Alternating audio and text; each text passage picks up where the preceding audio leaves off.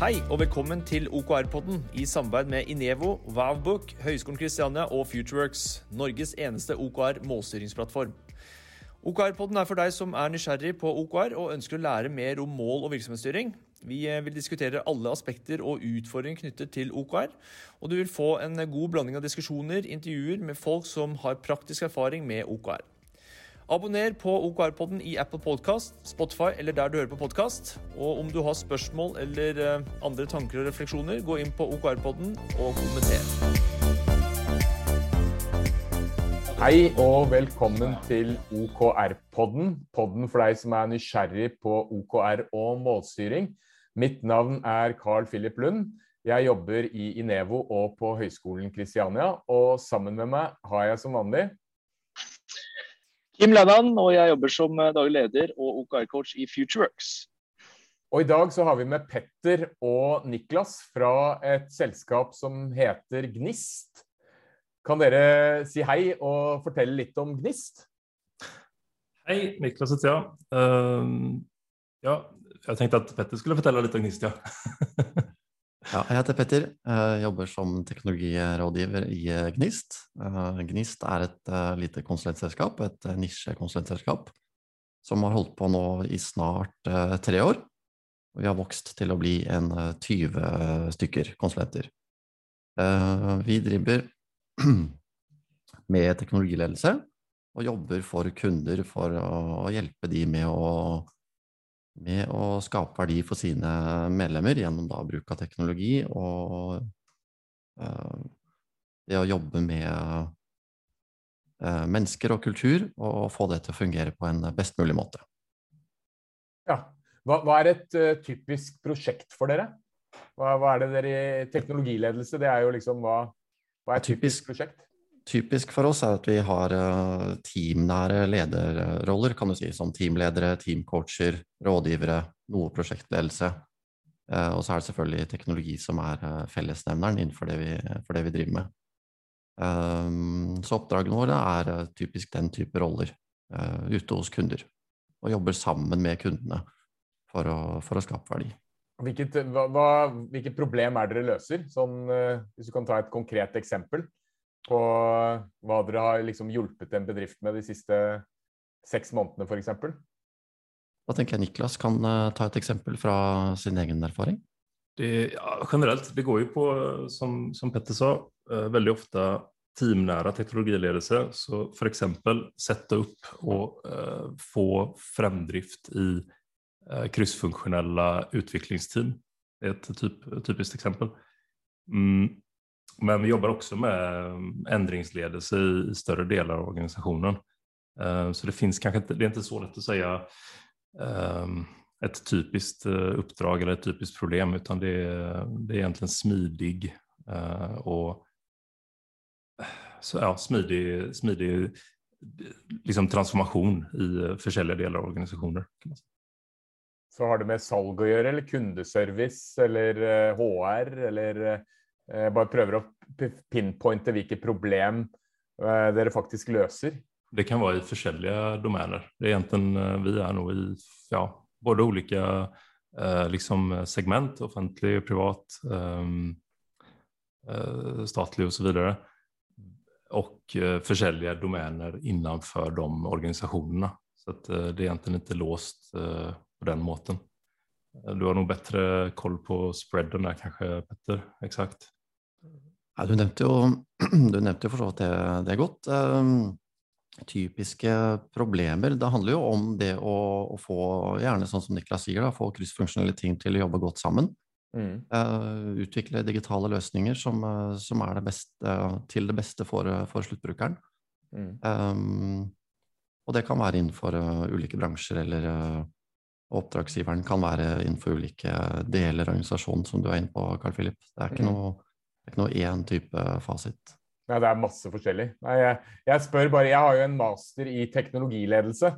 Uh, men jeg, jeg, jeg, sliter med liksom å konkretisere uh, hva man jobber med. Uh, og det blir ofte en del sånne Det bringer jo også inn på det temaet som vi har her. Det blir ofte et sånt fagspråk som er litt vanskelig å forstå. er mitt inntrykk. Og OKR, det er jo et det er jo mange som reagerer liksom, når du snakker om OKR. Så, så får man høre at ja, enda en sånn trebokstavforkortelse. Eh, mm. Men det er jo det denne poden handler om. Men hva, hva, er deres Når var det dere fikk vite om Når var det dere begynte å bli nysgjerrig på målstyring og OKR? I hvilken sammenheng, og når var det? For min del så, del så startet det da vi, da vi startet GNIST. Det var jo da i, i 2019. Ehm, da var jeg og to andre som, som, som var med å starte det.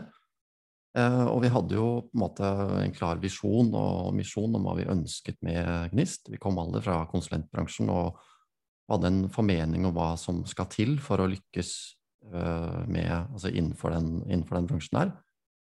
Men vi ønsket å se på hvordan vi, kan, uh, hvordan vi kunne bruke målstyring for å på en måte skape en retning for alle som ble med oss i Gnist, og en litt tydelig fokus. Um, husker ikke jeg helt hvordan vi kom på hvordan vi kom inn på OKR, men jeg husker i hvert fall at jeg leste den uh, 'Measure What Matters', mm. og syns egentlig at det var uh, veldig bra, det som sto der, og jeg likte enkelheten. Og dette med forskjellen mellom objectives og key results, som, som jeg syns virket veldig kraftfullt. Og da begynte vi å bruke det den høsten med de, vi, med de som var i Gnista.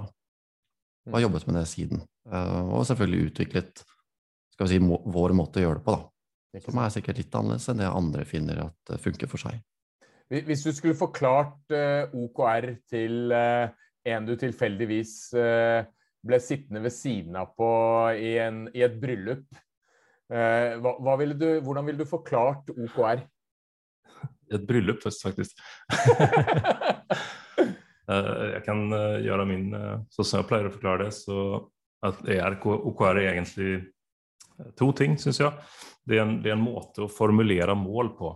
Og så er det et, et sett med best practices for å følge og gjennomføre de her målene.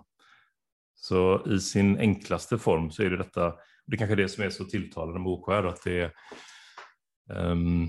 enkelt att, eh, relativt enkelt att förstå detta, att definiera ett mål uh, genom att uh, definiera det som en OKR.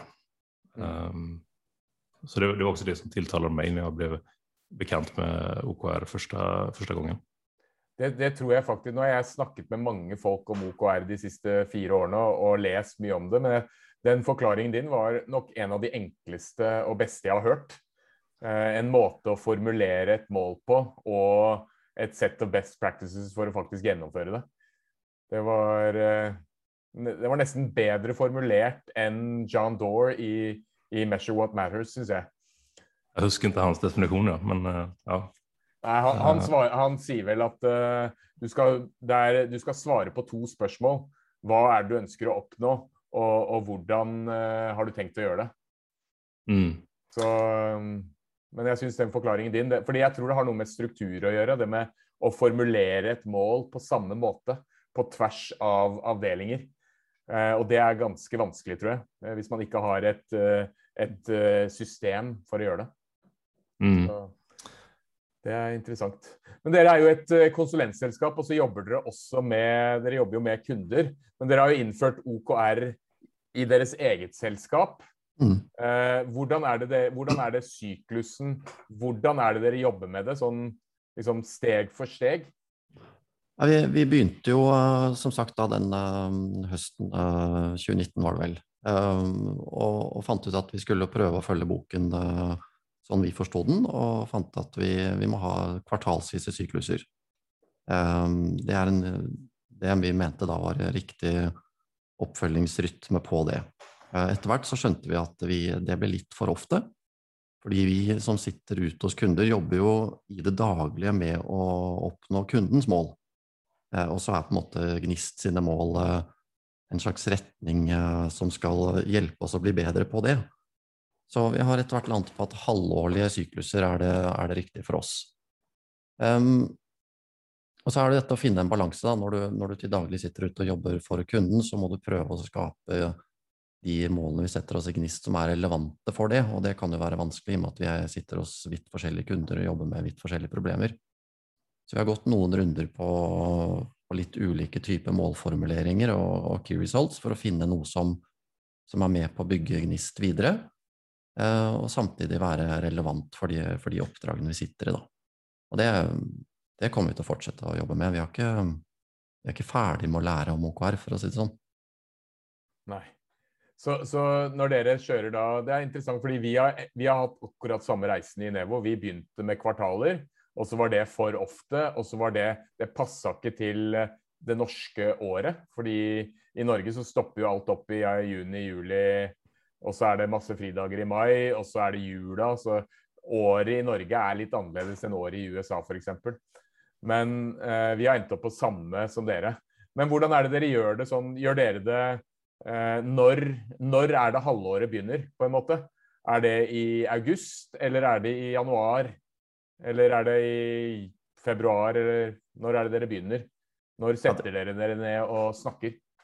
Det vi har uh, forsøkt å få til nå, det er at vi, uh, vi etablerer nye objectives i januar og august. Ja. Um, så det siste vi gjorde nå, når vi hadde vår runde i januar, det var at vi startet prosessen i desember. Um, for da er det veldig viktig, uh, føler vi, og det kan jo Niklas bekrefte også fra andre steder han har jobbet med det, dette å involvere alle sammen. Så vi startet med en innsamlingsrunde eh, hos alle i Gnist. Hva er det som er viktig for dere nå? Hva er det som er viktig i deres oppdrag? Hva er det som er viktig for deres uh, utvikling? Og deres synspunkter på mm. utviklingen av Gnist. da. Mm.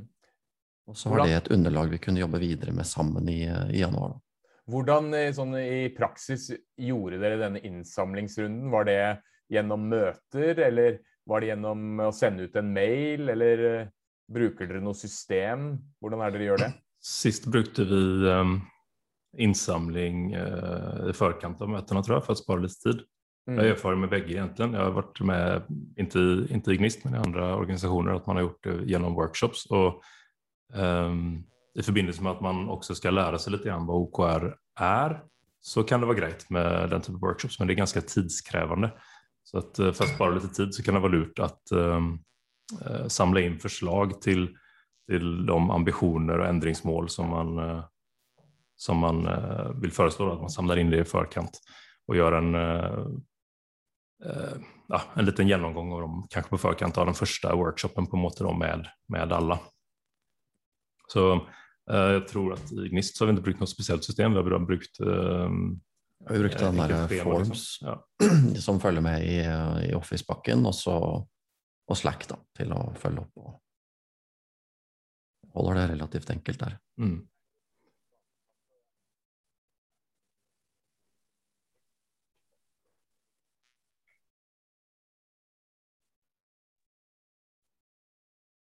Uh, ja, det, det er jo det. Dere er jo 20 ansatte i selskapet, eller ca. 20. Hvordan er liksom Har alle noe å si? Eller har alle lyst til å, å, å være med og bidra til å sette selskapets mål, eller er, det, eller er det noen som bare er fornøyd med at noen andre gjør det? Det var et godt spørsmål. Jeg opplever det som at alle, hadde, alle har noe å si. Alle har forslag til, til mål. Ja. Eller har meninger om de andre forslagene som kommer inn. Mm. Ja, i hvert fall det siste du sier. Det, det var ikke alle som, som meldte seg på i innsamlingsrunden. Men uh, når vi kjører av workshop i etterkant og deler opp i mindre grupper og, og lar folk diskutere uh, innspill som har kommet, så opplever jeg at alle, alle, har en mening og ønsker å være med og diskutere. Mm. Kjører dere da én felles workshop, eller kjører dere uh, forskjellige workshops? Deler det opp i grupper? Denne gangen kjørte vi én, og så var det jo rett etter omikron, så vi måtte jo gjøre det også på Teams. Ja. Um, så da kjørte vi én workshop med da noen sånne breakout uh, sessions. Ja. Uh, og det er også litt fordi uh, når vi skal finne tid i kalenderen til alle som, som til vanlig sitter ute i oppdrag, hvis vi, hvis vi, deler opp på for mange, så sklir det litt for mye ut. Ja. Uh, og det handler jo litt om å på en måte timeboxe det og få, få, det definert, og så gå videre derfra. da. Ja. Mm. I hvert fall sånn jeg ser det. Mm. Vi, vi rakk det ganske godt. Det tok ikke mange uker å få dette på plass. Da var det enda, mm. uh, var det ikke jul midt i også? Jo. Mm. mm. Det var et par sesjoner, liksom, og så hadde vi det på plass. Så da kjører dere først en sånn form-sesjon hvor dere stiller en, hva, hva, slags spørsmål er dere stiller i en sånn form? Så er det liksom hva, hva mener dere vi burde fokusere på, eller er det hva mener dere burde være objectives og key results? Litt, litt, mer av det første, litt mer åpent. Eh, samtidig som en liten sånn oppsummering fra, fra hvordan det har gått eh, fram til nå osv. Og, og så litt åpne spørsmål. Ja. Men vi inviterte vel også til å komme med forslag til konkrete objectives. Mm. Det, det, er et godt spørsmål. for at uh, Nå er det så i Gnist at alle i Gnist er uh, ganske godt kjent med OKR og kjenner ja. koncepten. Um, men hvordan man ställer det spørsmålet i andre organisationer kan jo variere da, Eller, då kan man inte fråga om, då kan man inte spöra om objective key alltså så då får man uh, ställa det spörsmålet på en annen måte. Då, fokusområder, ambisjoner, endringsmål, mm. den type ting. Men, men men når dere har satt, eh, men når dere har på en måte satt eh, OKR-ene og dere på en måte har satt for halvåret, eh, hvordan er dere konkret jobber med dette her da? Hvordan følger dere opp? Um, først og fremst så sier vi i Gnist at vi ønsker at alle uh, følger det, altså lager egne objectives på, på det personlige. Men det er, noe, det er ikke noe krav, det er ikke noe vi på en måte krever at alle gjør, men vi, vi ønsker det, og mange gjør det. Uh, og så har vi jo da ulike måter å diskutere ting på i Gnist. Vi har eh, kollokviegrupper hvor man møtes jevnlig noen i Gnist, hvor, hvor, man kan diskutere disse tingene. Man har en coach som er naturlig at man følger opp uh, disse tingene på. Og så har vi andre på en måte, diskusjonsforum, enten på Slack eller, eller type andre arenaer vi møtes på, hvor disse tingene tas opp. Mm. Og så har vi også en daglig leder som er, eh, som er flink til å, å sende Gnist News en gang i uken, hvor hun også peker tilbake på objektivsene våre. Mm, Jeg syns det er en veldig enkel og kraftfull måte å bare huske på at dette er, dette er fokus. Da. Mm. Den mailen går eh, på mandager eller fredager, eller? Den går på fredager på, fredager. på Slack.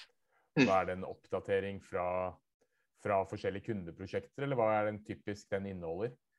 Ja, Den inneholder litt av, litt av, alt som har skjedd i Gnist i løpet av en uke. Både i form av kundeting eller uh, kompetanseheving eller andre Egentlig alt som har vært gøy siste uken. Men Da er det i lyset av de uh, objektiv som vi har satt oss for perioden. Så det er jo på en måte en ukentlig kadens. Uh, at vi hver uke kommer tilbake til de her objective security results som vi har satt oss. Mm, mm. Ja. Kjører dere noe ukesmøte sånn dere har noen møtetidspunkter eller noen møtepunkter i løpet av uken? Dere jobber jo som konsulenter. Jobber dere i team, eller jobber dere liksom enkeltpersoner ute hos kunden, eller hvordan er det dere Vi jobber mye enkeltpersoner. Vi har noen kunder hvor vi sitter flere. Eh, men de jobber ikke primært i team, de jobber da i ulike roller hos, eh, hos kunden. Ja. Eh, så vi har ikke noen ukentlige møter med alle, men vi har vel sånn røftlig én månedlig ting felles.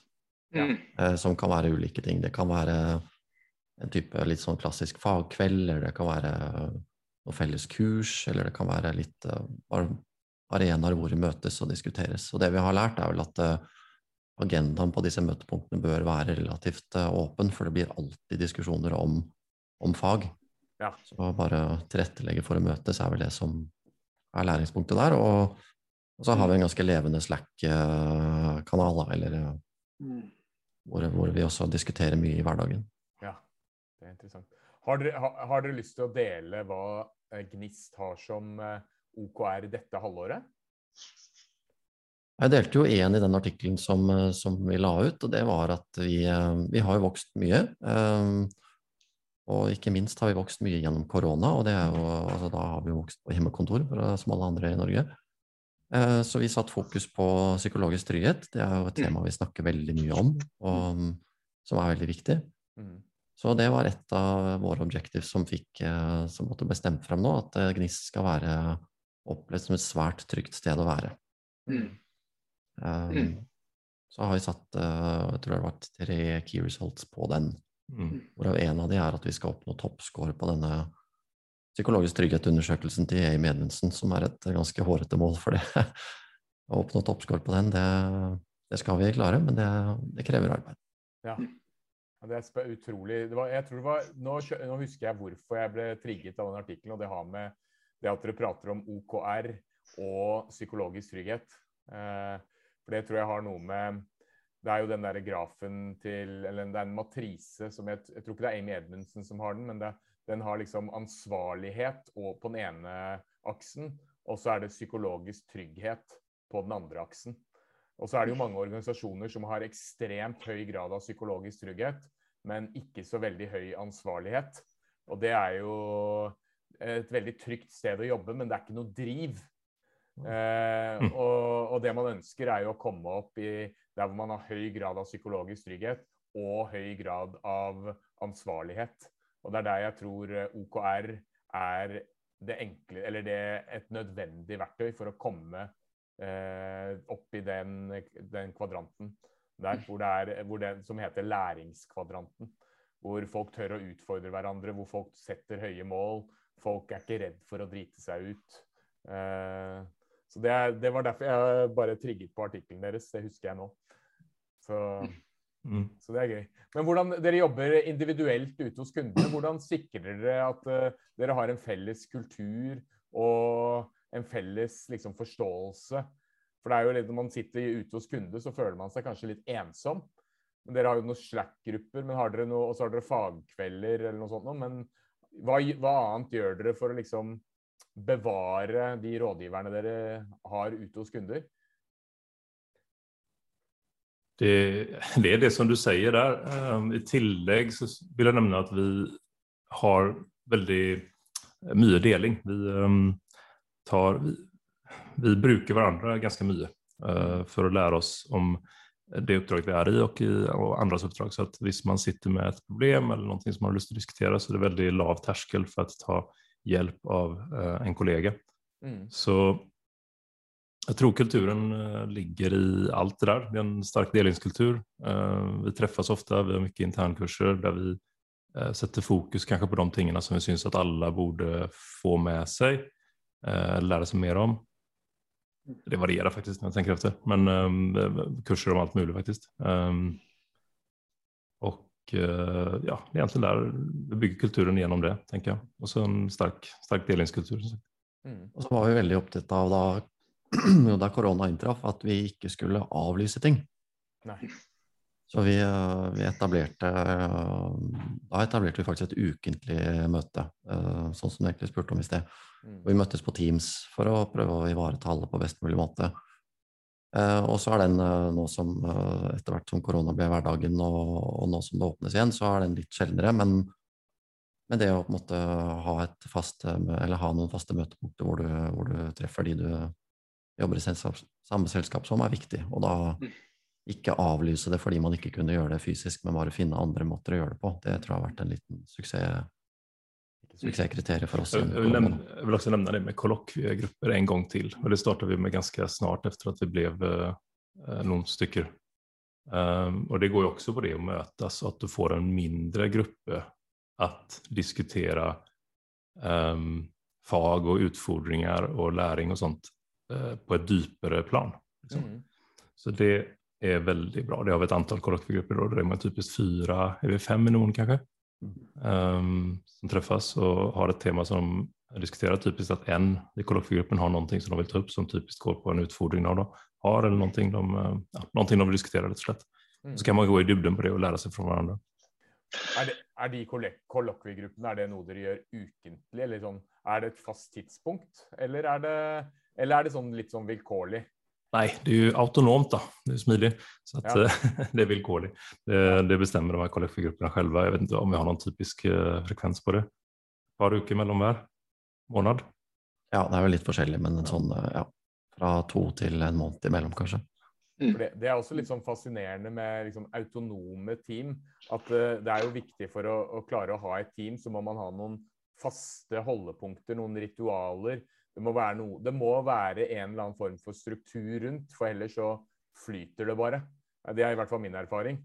Uh, det, kan, det kan, helt klart uh, skli ut i tid, liksom, om man ikke er nøye på å uh, vedlikeholde den type ting. Da. Mm. Der uh, har vi en veldig flink daglig leder som passer på sånt. Mm. Uh, og så er det veldig stort engasjement egentlig fra folk i kollokviegruppen også, syns jeg. Ja. Så det, det går av seg selv. Ja. Men, men når, når, dere har, når, dere har, vært opptatt med uh, målstyring og OKR i Gnist nå, hva, hva, hva, er liksom, hva er liksom de to-tre viktigste tingene dere tar med dere fra, fra, den prosessen dere har vært gjennom nå? Både av det som, som lytterne kan liksom tenke dette er suksessen, dette, og dette er noe obs, obs dere bør være var på. Uh, hva er det for noe? Da vil jeg mm, snakke litt om det å skille på, på helsemetrikker og endringsmål. Mm. Ja. Som eh, kan Niklas utdype litt mer. Men du har noe som er business as usual, noe som på en måte er det som trengs for at eh, butikken eller skal gå bra. Mm. Eh, som du alltid må gjøre. Og så mm. har du noe du ønsker å endre på. Mm. Fordi alt du gjør, kan ikke være mål. Det mm. blir, det, blir, for mange. Du, blir, da klarer du ikke å ha fokus. Du kan jo fylle ut litt der, Niklas, for det er egentlig du som, eh, som eh, lærte oss å skille tydelig på det.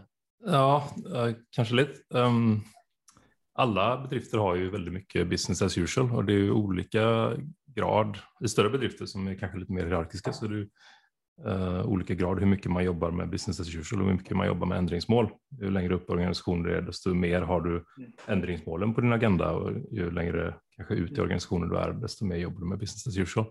Mm. Så Gnist og sikkert i mange andre bedrifter også, så bruker vi OKR for å sette fokus på ting som kanskje ellers kunne bli glemt. Mm. Så at uh, firman uh, ruller og går, forstås, mm. med sine hälsometriker eller KPI-er, kaller man det ofte. ikke sant? Mm. Um, men da sätter vi liksom OKR for det som, där vi vet at vi vil förbättra oss, antingen om det er en uh, en eh, KPI som vi vill eh, göra ett markant, en markant ändring på eller om det är något annat som vi känner att här måste vi lägga fokus och det kan bli glemt hvis vi inte sätter ett extra fokus på det. Og OK er et fantastisk verktøy. Mm. Et, et, et, spørsmål jeg ofte får, da, det er liksom forskjell mellom en eh, key result og en KPI. Uh, har dere en uh, forklaring på det? Sånn den, den metrikken du använder i en key result, det kan jo definitivt være en, uh, en KPI. At, du, att en key result er at du skal gjøre en förändring på et eh, KPI-verdi. Mm. Um, så det kan man, och där, en, en, ting som jeg tar med meg fra andre oppdrag, och så där, det er at um, man skal være litt obs på at uh, den KPI-en, hvis du peker ut en KPI då for en key result for en grupp eller en avdelning eller et et enkelt team så må det jo være en metrikk, oavsett om det er en KPI eller noe annet, som den gruppen eller avdelningen eller teamet har kontroll over. Og gärna gjerne skal det bare være så at eh, det er kun de som har påverkan på den mm. metriken. Mm. Uh, så at det ikke blir sånn at eh, to eller tre måneder senere så har det skjedd en förändring men de kan ikke riktig peka på at det var deres mm. innsats som gjorde den forandringen. Så att jag är lite opptatt av at de her butikkene skal være litt lokale. Og det kanskje er en sånn fallegruve for større mm. bedrifter, at man, at man eh, det fristet å, å, bruke en KPI som er for selskapet, helt ned på, mm. på teamnivå. Men det vil, aldri, det vil aldri skape den type motivasjon mm. som trengs, og som, som jeg vet at eh, man vil ha. Da. Så, så, da kan man si at eh, OKR-ene bruker vi da for å løfte fokus på noe, mens uh, KPI-ene måler da litt sånn helsen til selskapet. Altså litt sånn mm. viktige bis eller uh, kritiske tall som vi trenger litt sånn uh, løypemeldinger fra, egentlig kort og greit. For å vite at ting har den utviklingen det skal ha. Ja, ikke sant. Og hvis du er en KPI-dreven business, så du kommer ikke unna dine KPI-er, utan de, de følger du uansett. Du, mm. men man kan jo se for seg at hvis man ser at en KPI begynner å skli, så får man kanskje velge. Da. Og mm. Så mm. jeg liker å spandere en OKR på å gjøre noe med akkurat den kopien. Mm. Du har bare så mye fokus for en gitt mm. periode. Mm. KPI, OKR som dere kjenner til, handler jo om hensynsløs uh, fokus. Va? At du skal komme ned til de her en, to, tre uh, viktigste tingene i denne perioden. Mm. Så da liker jeg å tenke på det som at ok, er dette så viktig så at vi skal på en måte spandere en av våre OKR? Da? Skal dette være en av våre viktigste ting denne perioden? Det er et godt poeng. Det er vel den beste forklaringen på forskjellen på KPI og key result som jeg har hørt. Det er at uh, en key result det er en KPI med ambisjoner. At uh, det er liksom Og så er det den der med speedometer versus GPS. Den liker jeg mm. også litt. Grann. Den har dere sikkert sett. Ja, det bildet. Ja, fint. En, en, ting som jeg har lyst til å bare snakke litt om, er dette her med Dere jobber jo med mange forskjellige organisasjoner. Mm. Og alle organisasjoner har jo ulike måter å drive business på. Og, og, de har ulike ritualer på hvordan de setter mål og lager strategier. Hvordan er det dere jobber med målstyring ut hos kundene deres? I hvilken grad er det dere liksom prøver å påvirke dem, og hvordan gjør dere det? Det var et langt spørsmål. Da du vil begynne, Petter? Eller? Jeg kan begynne, ja. Um, jeg tror at, uh, som du sier, olika organisasjoner jobber på olika måter med målstyring. Jeg tror at hvis man ska, hvis man ser at det trengs å gjøres noe med, med mål og måloppfølging, uh, så får man ta utgangspunkt i hva som finnes der i dag. Hvordan man jobber mm. i dag. Mm. Um, og så kan man jo tilpasse det som organisasjonen jobber med i dag, med tanker fra OKR. Mm. Um, da er det vel ofte uh, fokus och, och kanske själva definitionen av OKR, att en, en objektiv är en ambition och, och key results är liksom någonting som säger att du är på väg eller hvordan ser det ut när vi är där. Uh, och att du kommer ner i, ett, ett riktigt, riktigt fåtal ting då som är de viktigaste tingen. Du kan mm. ta, ta med dig de tingene. Det är många, som, många organisationer uh, som driver med OKR som inte kallar det för OKR. Mm. Som har andra namn på det men som bara har brukt disse tankene rundt mm effektbasert eh, mål da, fra OKR. Mm. Hva kaller, hva, kaller, hva kaller, de det? Mm. Hva, hva, slags uttrykk er det du har hørt eh, det blir betegnet som? Uh, ja, der som er nå, så kaller vi det for OKR, men jeg har hørt at andre kaller det for ambisjoner. Mm. Um, objectives ambisjoner og uh, KR for kanskje nøkkelresultat. Så det finnes mange, mange varianter. Men uh, ja, så at det syns jeg er viktig. da. Eh, man, kan, man ser på hva som finnes i dag, ser hva for språk som blir brukt internt i organisasjonen i dag, og ser om det er noe der som eh, kan dra nytte av tankene fra OKR. Mm. Støtter litt det, det Niklas sier der i forhold til det med renaming av selve Det var litt på det du sa litt sånn innledningsvis, at man utvikler OKR-en litt individuelt i forhold til selskapet, tilpasser det selskapet. Eh, både i både bruk politikken. Det er kanskje noen, det er, det er noen vesentlige ting som står, uh, men jeg tenker det wordingen av det, altså om du kaller det ambisjoner og nøkkeltall, eller om du kaller det kanskje hovedmål og delmål, uh, er også en, uh, i en organisasjon jeg har i dag, så har de gått veldig inn i selve kulturen av selskapet, hvordan de snakker. altså Ordene, språket de bruker, reflekteres også veldig inn i ikke OKR-prosessen, men målprosessen, som de kaller det. Og mm. selve syklusen er treningsprosessen. Mm. Så de har liksom tatt det litt sånn inn i da, det samme type eh, eh, språket som du bruker i orasjon. Da. Så det er, eh, da tror jeg du får en større forankring også i forhold til, mål, til OKR-ene, altså målene du setter. Mm. Ja. ja. jeg tror at det kan være vanskelig hvis man kommer inn i en organisasjon der man er veldig vant til å jobbe med KPI-mål, så mm. er kanskje selve ordet mål uh, mm et overladet ord. og liksom at det, det, er redan tatt, på en måte. Mm. Så da må man ha denne diskusjonen. Hva mener vi med KPI-mål? Uh, eh, hva har vi for eksplisitte og implisitte KPI-mål? Og uh, trenger vi noe i tillegg for å jobbe med endringer? Da? Er det der vi skal bruke mm. noe som vi kaller OKR, eller ta med oss tanker fra OKR? Mm. mm. Jeg, jeg, liker å, å, eller Det jeg har merket når jeg har snakket med folk i det siste året, så er det liksom det spørsmålet som jeg føler uh, fører diskusjonen i riktig retning, er hvilke tall er det vi ønsker å flytte på? Eh, hva er det vi ønsker liksom, en radikal endring på? Mm. Eh, for da slipper man liksom å, å snakke om OKR. Eh, og så kan man tilfeldigvis, etter at man har snakket om hvilke tall man ønsker å flytte på, så kan man etter hvert eh, si at det er faktisk noen som har eh, laget et sett av best practices. Eh, og det er, hvis du har lyst til å lære mer om det, så er OKR begrepet. Mm. Det er en bedre måte å gjøre det på enn å komme og si her er OKR, vær så god.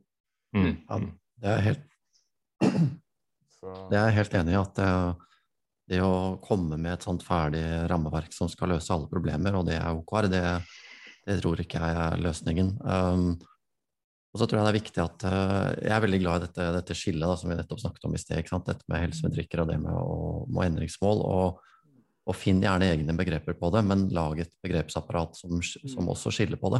Mm. Sånn at du ikke du, du hele tiden sitter og snakker om mål, og så var du litt usikker på om det var et endringsmål, eller var det et KPI-mål, eller Mm. så vær litt bevisst i på en måte, begrepsbruken, sånn at det blir forståelig for hele organisasjonen, tror jeg er litt viktig. da. Ikke sant? Mm. Dere, nevnte innledningsvis at dere, dere oppfordret folk til å sette personlige OKR-er. Eh, gjør, gjør de fleste i, i gnist det, eller er det, eller er det liksom primært selskaps-OKR-er som, eh, som styrer? Vi oppfordrer alle og ønsker at folk skal teste ut og sette personlige OKR-er. Og så, er det noen som syns det er veldig nyttig og gjør det på en måte naturlig som en del av måten de utvikler egen kompetanse og så videre på. Og så er det noen som, eh, som kanskje trenger litt mer push på, på å teste ut og, og gjøre det. Det er jo rett og slett for å ta stilling til liksom, Hvis vi sier at vi skal uh, oppleves som et svært uh, trygt sted å være, så, så, er jo det en innsats alle Altså en sum av innsatsen alle gjør. Det er jo ikke bare noe ledelsen kan, kan gjøre. Så Derfor så er det jo litt viktig at alle stiller seg selv spørsmålet hva kan jeg gjøre for at, for at vi skal oppnå det som selskap. Så det trenger jo ikke være store ting. Det kan være småting. Hvordan er det dere administrerer eller håndterer på Et av prinsippene med OKR er liksom dette med transparens.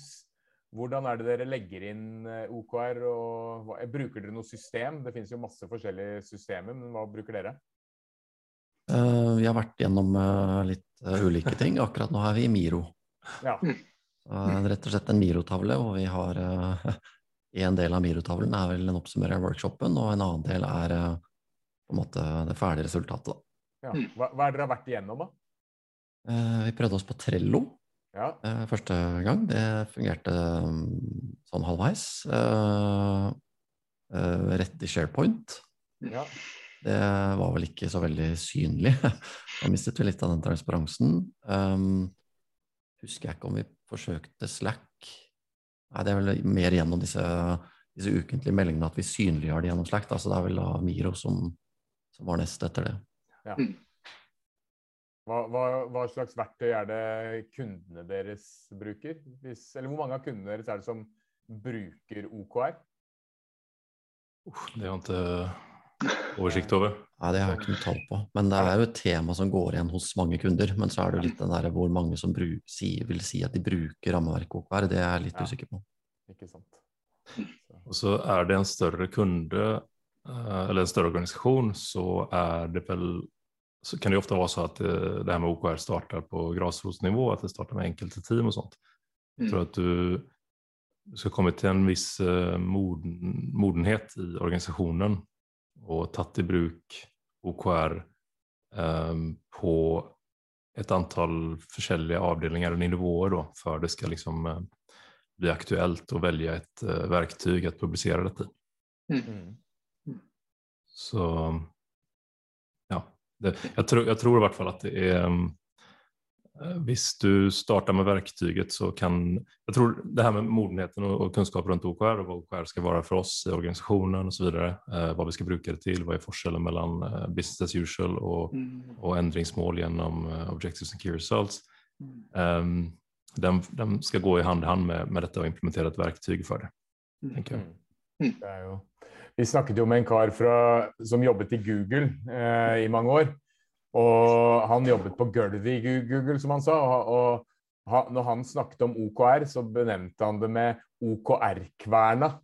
Det var liksom ikke noe Det var ikke et snev av engasjement rundt det. Det var ikke noe, var ikke noe positivt. Det var mer bare Det var noe alle måtte gjøre, og det var regelmessig. Det var et system. Det var kanskje litt mer på utvikling, utviklerne, eller utviklingsdelen av Google enn på salgsdelen. Men eh, hvordan er det dere sikrer eh, engasjement rundt de målene dere setter? Og hvordan sørger dere for at engasjementsnivået er høyt uke etter uke? Ja, det er et godt spørsmål. Det er vel uh, gjennom å prate om det, tror jeg. Det med engasjement uke etter uke, det er veldig viktig å få fram syns jeg, at, at uh, dette å sette mål, det er jo bare maks halvparten uh, av det hele. Det Mm. andra halvan er jo at du eh, til en kadens i organisationen som, som gjør at du kommer innom disse målene. Mm. Speciellt om, om du bruker OKR til endringsmål, ting då som annars kanskje Altså når, når, business as usual blir for mye, det blir for mye støy i vardagen og sånt så kan, kan det være ting som blir glemt. Mm. At du bruker OKR for de tingene som du må holde fokus på likevel. Da er det jo kjempeviktig med at du, at, at du får til en, eh, en frekvens på Mm. at gå gjennom de her OKR-ene og følge opp dem, som funker. Mm. Du sa ordet kadens, eh, cadence. Fins det noe norsk-svensk ord på det, eller heter det kadens? Og kan du forklare hva, det, hva, det, hva du legger i det? Jeg håper at det heter kadens. Ja, jeg vet Um, ikke. ja, kadens, frekvens er vel egentlig hvilket som man kan bruke i det her fallet. Men um, rett og slett i en organisasjon at du Jeg syns man, man kan jobbe med hva man har allerede. Hvis du, hvis du jobber med en, eh, en, avdelings, eh, en avdeling eller et team eller en, en ledergruppe, og så har de en, et uh, jevnlig møte, da, om det er ukentlig eller Mm. eh, annenhver uke eller noe sånt der. Så jobba med det møtet og få inn dette, at gå gjennom OKR-ene som en del av det møtet. Mm. Jeg, jeg Eh. tror det, det du sier der, Niklas, er ekstremt viktig. for at Hvis det kommer noe i tillegg til, eh, så vil det bli oppfatta som OK, skal vi gjøre det i tillegg? Uh, Istedenfor å in, altså inkludere det i en allerede satt struktur. da, At du verdiskaper det med f.eks. OKR-en eller hva vi nå skal ha et uh, hensynsløst fokus på, som du nevnte i stad. Mm. Uh, Og at det er en del av disse møtene her, eh, tror jeg er en viktig del. og at det blir Støtter også Philip i det han sier, at det er en jevnlig oppfølging av dette. At det kommer inn i en allerede eksisterende struktur. Da. Det tror jeg er en, eh, en viktig suksessfaktor. Iallfall i starten. Og så kan man da begynne å tilpasse det litt sånn etter hvert når man får forma det litt og blir kjent med det og blir trygg på det og fått noe læring fra det. Mm. Er helt enig. Så bra. Jeg tror vi begynner å nærme oss slutten. Har du lyst til å oppsummere? Det, det, jeg har sittet og tenkt på det gjennom hele tida, for det er så mye bra som har kommet fra Petter og Niklas her hele veien gjennom. Eh, og jeg sa jo, jeg sa jo en eh, sånn eh, et, Jeg likte også formuleringa di, Niklas, i forhold, eller var det Petter, en av dere som sa det iallfall. Altså formuleringa til Gnist, da. I forhold til det at det er en metode for å formulere mål på, og at det er et sett med best practice for gjennomføring. Det er det OKR-ene er for noe. Og det skal hjelpe oss med da å sette igjen Jeg liker også sånn disse harde ordene dine, Niklas. Hensynsløst fokus på liksom noen løft vi velger å gjøre. Eh, og at KPI-ene, altså helsemetrikkene som kommer fram her, er mer noen viktige tall vi til enhver tid må ha kontroll på, og så har den utviklinga vi ser etter. Altså at man ser forskjell på de to elementene her. Eh, og så er det et par viktige elementer som også kommer inn hit. som jeg, eh, Det må ha sy, altså har på en måte satt en syklus i orasjon for å følge opp OKR-ene sine på. Det er viktig. Kall det gjerne en treningsprosess. Kall det liksom, ja, hva som på en måte passer liksom språket i orasjon. Det er viktig, men at det er en, en rytme, en syklus på hvordan vi jobber med OKR-ene våre fortløpende i løpet av et års tid, er en viktig suksessfaktor. Sammen med det også en viktig ting også, som jeg også opplever, dere kalte det coach, det er vel mer en ambassadør, en, en som holder litt sånn fast i prosessen. Ikke innholdet, men kanskje mer prosessen. At det, altså, vi gjennomfører disse møtene våre, vi gjennomfører retrospektiven vår. Vi, vi er en støtteperson, en sånn go to person, når vi skal bare på en måte sparre på kanskje mål, er viktig person i den OKR-målstyringsprosessen man igangsetter. Da, så at du har fasilitatorer som kan støtte og liksom bidra underveis. Og da at man har eh, eh, disse kollokviegruppene, altså disse litt sånn autonome teamene som på en måte jobber sammen om målene sine. Det er mye bra som kom fram her, så jeg vet ikke hvor jeg skal. Jeg tror jeg har oppsummert mye av det som jeg har notert meg med, og som jeg på en måte har liksom koblet inn på. Og så vil jeg bare minne på en liten ting til dere som lytter på også. Gnist har skrevet en artikkel om eh, OKR, som også Carl Philip eh, sendte til meg.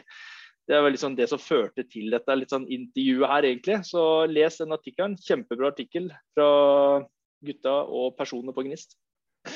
Hvor finner man den? Den finner du på www.gnist.as. Slash uh, gnist setter retning, tror jeg den heter.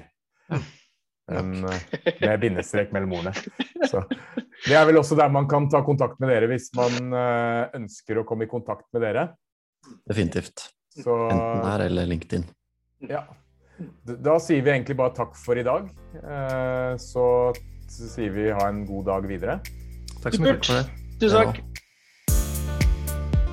OKR-podden er gjort mulig av Inevo, Vavbook og Futureworks, Norges eneste OKR-plattform som hjelper deg med å sette fart på innovasjon, utvikling og vekst.